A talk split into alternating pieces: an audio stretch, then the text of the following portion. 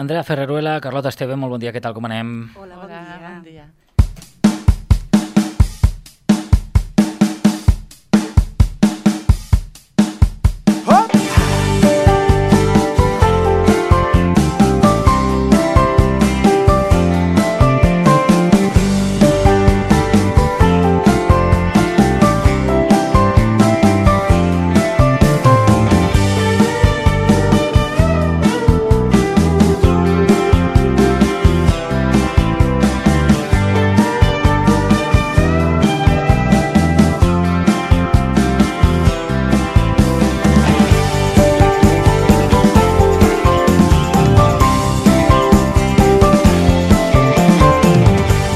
Fundació Ferrerola Sant Feliu inaugura una nova consulta d'oftalmologia a MIFA al Senegal.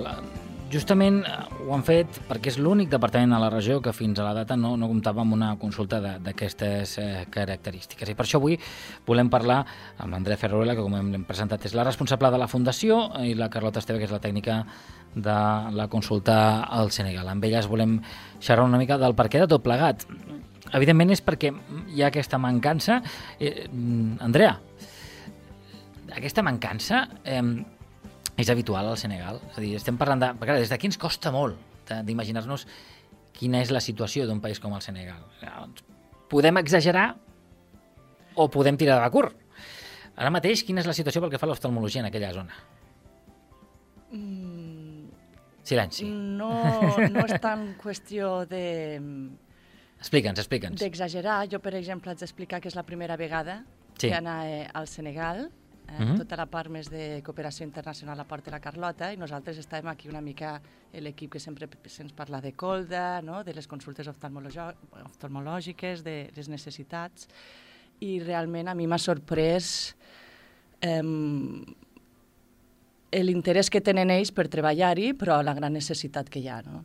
I llavors, doncs, um, bueno, no sé, podríem explicar casos de, bueno, pues que t'impacten, no? la part més humana de persones que, um, pues, o nens que tenen una miopia alta i que no tenen accés ni a una visita oftalmològica ni a una revisió, no saben ni, ni el que tenen, però tenen molts mals de caps, eh, deixen d'anar a l'escola i, i doncs, doncs amb una senzilla visita de dos minuts doncs te'n dones compte que, que hi ha molt per fer, no? I llavors que la feina val la pena i que mereix la pena continuar, no?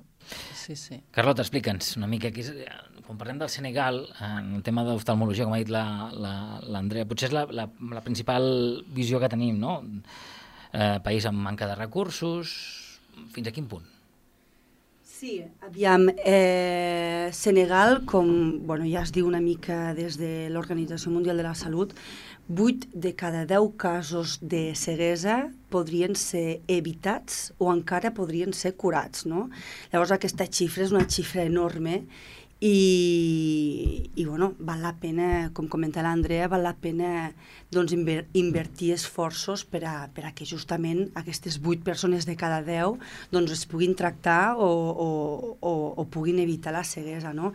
Llavors, clar, el primer pas una mica per a, per a, per a poder lluitar contra això, contra aquesta, contra aquesta situació, és que existeixi la infraestructura, que existeixi la consulta i que hi hagi un recurs humà, un tècnic, no? eh, doncs que, que pugui passar la consulta. No? Llavors, sí que és veritat que a nivell d'equipaments, els equipaments oftalmològics són uns equipaments eh, que tenen un cost adquisitiu bastant elevat. No? Llavors, bueno, ja, per no entrar massa en detalls, però bueno, allà la salut està descentralitzada a les regions, les regions tampoc no tenen eh, uns pressupostos eh, massa, bueno, massa elevats, i llavors és cert que en aquest sentit doncs, sí que hi ha una manca de recursos i en la creació d'aquestes consultes que sí que necessiten doncs, un suport eh, tècnic i, i, i econòmic doncs, s'agraeix molt eh, la cooperació com, com, bueno, com és el cas de la Fundació i altres entitats doncs, que, que donen suport a la creació de- d'aquests dispositius. Ah, suposo que dius recursos humans. Mm. Ara mateix hi ha algú ja que està treballant allí? Sí, eh, de fet el, el Ministeri, bueno, comentàvem no, que la veritat és que és una cooperació, nosaltres l'entenem com, com exemplar, no? perquè no és que tota la feina eh, l'haguem fet des de la Fundació, sinó que ha sigut una col·laboració entre diferents parts, en la que cada part ha tingut un rol molt important. És cert que nosaltres, la, la Fundació, hem pogut aportar els equipaments, per cert, amb, una, amb, una, amb un suport d'una fundació, que és la Fundació Nesbat, que ens va, ens va premiar eh, l'any passat el projecte i gràcies a, a aquesta Fundació Nesbat doncs, doncs hem pogut aportar aquesta, aquesta part, però també eh, les altres parts, eh, per exemple, eh, les, les, les, la, el que diríem la col·lectivitat local, no? les autoritats polítiques, doncs han suportat la construcció dels locals, s'han encarregat de la construcció dels locals, el Ministeri s'ha encarregat de l'afectació d'un recurs humà, d'un tècnic oftalmològic, i llavors, entre totes les parts, s'ha aconseguit amb, amb, amb èxit doncs, eh, la posada en funcionament d'aquesta unitat.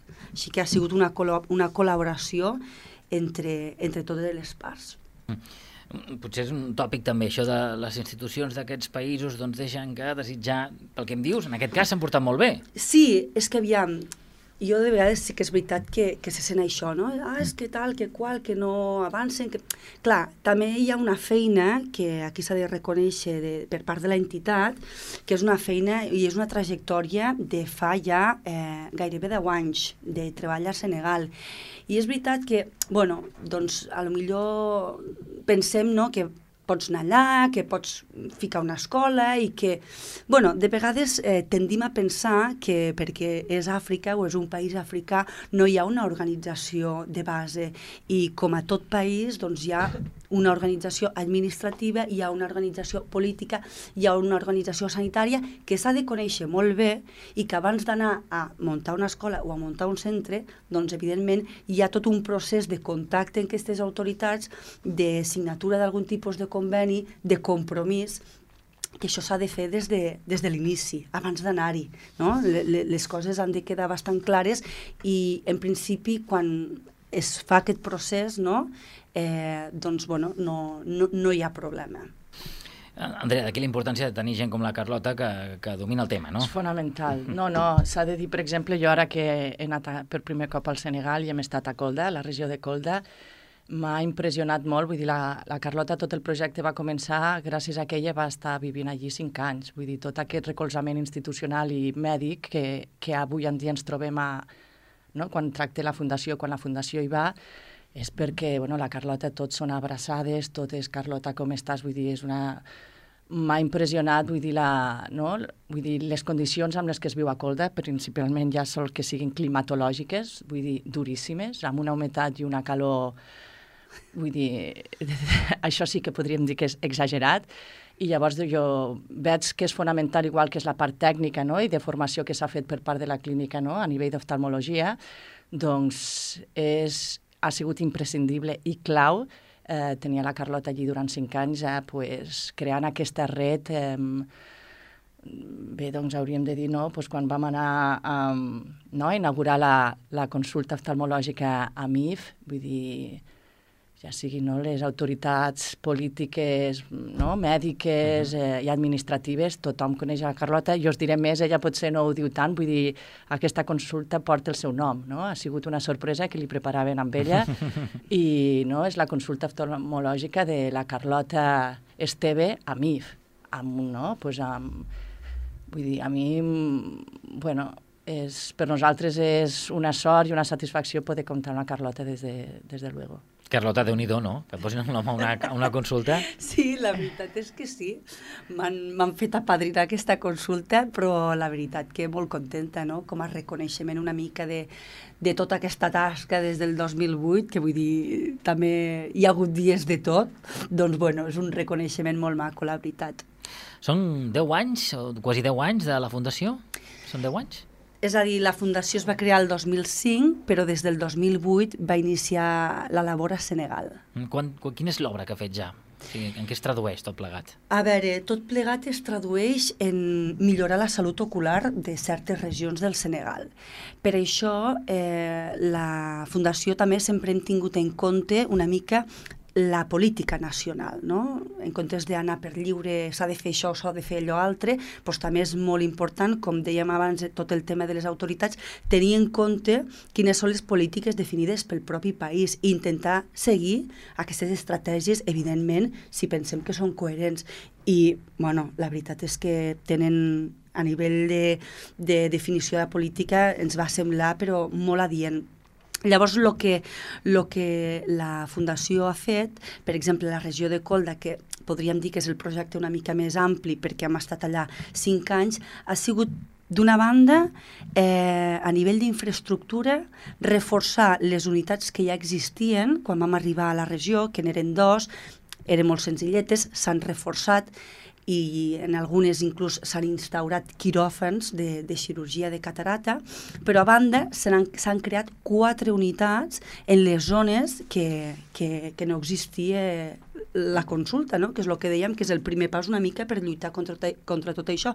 Per exemple, en aquesta última consulta de MIF, hi ha una població de 200.000 habitants. Vull dir, a veure, que no és aquí eh, moco de pavo, podríem dir, no? Vull dir que és una quantitat molt important que sense consulta s'han de venir a Colda, no? que vam estar fent aquest trajecte. Està de dues hores per un camí, no, eh, no te dic de pedres, perquè ara sembla que no l'han millorat bastant, però és una pista. Eh, en època de pluges no me vull ni imaginar com deu d'estar la carretera, però veus tots els poblats, eh, com viuen, i llavors dius, doncs, bueno, i que la, hi ha molta impossibilitat d'anar a Colda, que sembla que no, que són dues hores de trajecte, però això ja suposa un cost que molta de la I població de MIF ja, ja poc no... Poc transport públic, sí, també, sí, no? Sí, sí. Bueno, a nivell d'infraestructura seria això, reforçar el que existia, crear noves unitats, crear quiròfans també de, de cirurgia de catarata i crear el primer taller d'òptica de tota la regió, perquè una cosa tan simple com un taller d'òptica, que aquí a Lleida mateix n'hi ha no sé quants mil, sí. doncs allà no n'hi havia cap en tota una regió de més de 600.000 habitants. S'havia d'anar fins a Dakar, que hi ha com a 10 hores de, de cotxe, o, o bueno, s'havien de fer peripècies per poder aconseguir algo tan simple com unes ulleres, no? I, bueno, aquest dispositiu, la veritat, que també que l'hem pogut visitar amb l'Andrea... No, i a mi, per exemple, ara això, Carlota, que dius, és que és molt important que no... Sempre hem evitat des de la Fundació fer, pues, mm, una acció una mica més assistencialista, no? S'ha evitat sempre que siguin ells pels seus propis recursos. I llavors pues, aquesta òptica que estàs comentant doncs, és sostenible, eh, tot el centre de salut hi treu uns ingressos importants, i amb això després ells mateixos han començat a fer les seves pròpies campanyes de cirurgia, no? de catarates. És a dir, veus que, que realment comencen a veure que poden treure recursos, eh, no? donar un servei, a més, assequible a la població, i, i bueno, crec que també aquí és important una mica el suport que es dona a vegades en, amb les campanyes, ja no per tant quantes cirurgies se fan des de no, els doctors que, no, que venen de la Fundació, sinó més com se preparen, com els, no, els hi donen formació, com els, bueno, els, els hi ensenya una mica com se fan les cirurgies i ells també com s'animen i s'incentiven a, a, a millorar pues, no, la, la seva tècnica quirúrgica. Entenc que la idea és que els tècnics siguin d'allí, és a dir, perquè és important, suposo, que la gent tingui confiança Sí, sí, sí, sí, totalment. Eh, bueno, ara que comentava que una mica la, la primera línia és, és el tema de les infraestructures, però justament la segona línia és el tema de la formació. I en el tema de la formació com comentava la companya, ben cert que en certes ocasions doncs, s'han doncs, desplaçat, desplaçat equips de la clínica eh, justament doncs, per, per, per, per reforçar aquest tipus de capacitació, però, però és a dir, tots els tècnics amb els que es treballen a nivell de consultes i a nivell de, de cirurgia són recursos humans eh, d'allà, de senegalesos. No? I en aquest sentit, tot, doncs, tant s'ha fet formació en aquests eh, tècnics d'oftalmologia, però també s'ha anat una mica més enllà i també s'ha dut a terme formacions al que seria tota tota la xarxa d'atenció primària, que aquí doncs, està coordinada per metges, però allà està coordinada per infermes, i tota aquesta xarxa també ha sigut formada a les cures oculars bàsiques justament perquè són el primer recurs de la comunitat, és el primer recurs sanitari de la comunitat, perquè es puguin eh, tractar petites afeccions a nivell rural i que aquests professionals de la salut ens derivin els casos eh, amb afeccions a les consultes. I també més enllà el que s'ha fet és formar a, a mestres, que al cap i a la fi són els que estan més en contacte amb, amb, amb els alumnes i amb els joves, també perquè tinguin una petita base i també puguin fer referències i que no passin casos com el que comenta eh, eh, l'Andrea abans. No? I l última línia doncs, seria tota una línia d'activitats d'informació, de, d'educació, de sensibilització, que tot això s'ha fet una mica a través de, de, de les eines locals, no? la ràdio, que això és importantíssim allà i és com la, la informació arriba tot a, a tot arreu, però bueno, també amb sessions de teatre, amb, bueno, amb, amb altre tipus de suports, no? una mica per, per donar a conèixer justament aquest tipus de malalties, les possibilitats de curar-les i les possibilitats d'evitar-les. I per què Colda? Per què el Senegal? Don, bueno, és... Dos, eh? Mm, bueno, és, no, es va estudiar una mica pues, una, una zona del Senegal que tingués molta més necessitat que altres, no? I Dakar, doncs, al ser la capital, doncs, no és que compti amb Bueno, era que justament Colda pues, era una de les zones rurals més necessitades i que no, no tenia pas un centre d'oftalmologia que pogués donar sí. assistència És una regió ciutadans, aïllada, sí. és una regió dura i, quan es va fer una mica la identificació doncs es va, es va donar compte no, de que hi havia un, un capital important per dur a terme i a més a més també una mica orientats per l'Ajuntament de Lleida eh, una mica també pel fet de que eh, part de la població senegalesa que viu a les comarques del Segrià doncs també provenen d'aquesta zona. No? Llavors també era com un, un intercanvi interessant. I per què la Fundació va néixer? És a dir, què és el que va empènyer a crear la Fundació? Mm, bueno, això, els seus orígens és un... Bueno, el doctor Ferreruela i la doctora Andrea Sanfeliu, doncs, eh, sempre hem pensat que, bueno, el doctor sempre ha treballat sempre a Etiopia, amb unes altres organitzacions, fins que va veure que, que hi havia, és més una, un agraïment no? a, a la vida i tot el que tenim aquí, llavors doncs, és una manera de... Bueno, els metges ja tenen una mica aquesta filosofia no? d'ajudar, no? de donar assistència sanitària, i és una mica de retornar a la societat eh, tot allò que nosaltres hem rebut. No? És una manera, una filosofia de vida i un, i un agraïment. I després, doncs, és una cosa que saps fer molt bé, no? eh, que és l'oftalmologia, i llavors, doncs, eh, costa molt poc i te dona molta satisfacció. No? I és un, un compromís, jo crec, a nivell humà. Projectes? A banda d'aquesta consulta que està en marxa, suposo que doncs, eh, una mica de control i està a sobre, però després què? Després que doncs, hi ha altres coses, hi ha altres coses. Eh, estem treballant en consorci amb altres entitats. Eh, bueno, un, un, un projecte eh, seria la creació d'un diploma en oftalmologia pediàtrica a la Universitat de Dakar, bueno, és el primer, seria el primer diploma a nivell de Dakar i a nivell de tota la, la zona de l'Àfrica de, de l'Oest, no? i una mica també eh, per la necessitat justament d'especialitzar els metges oftalmòlegs a l'oftalmologia pediàtrica.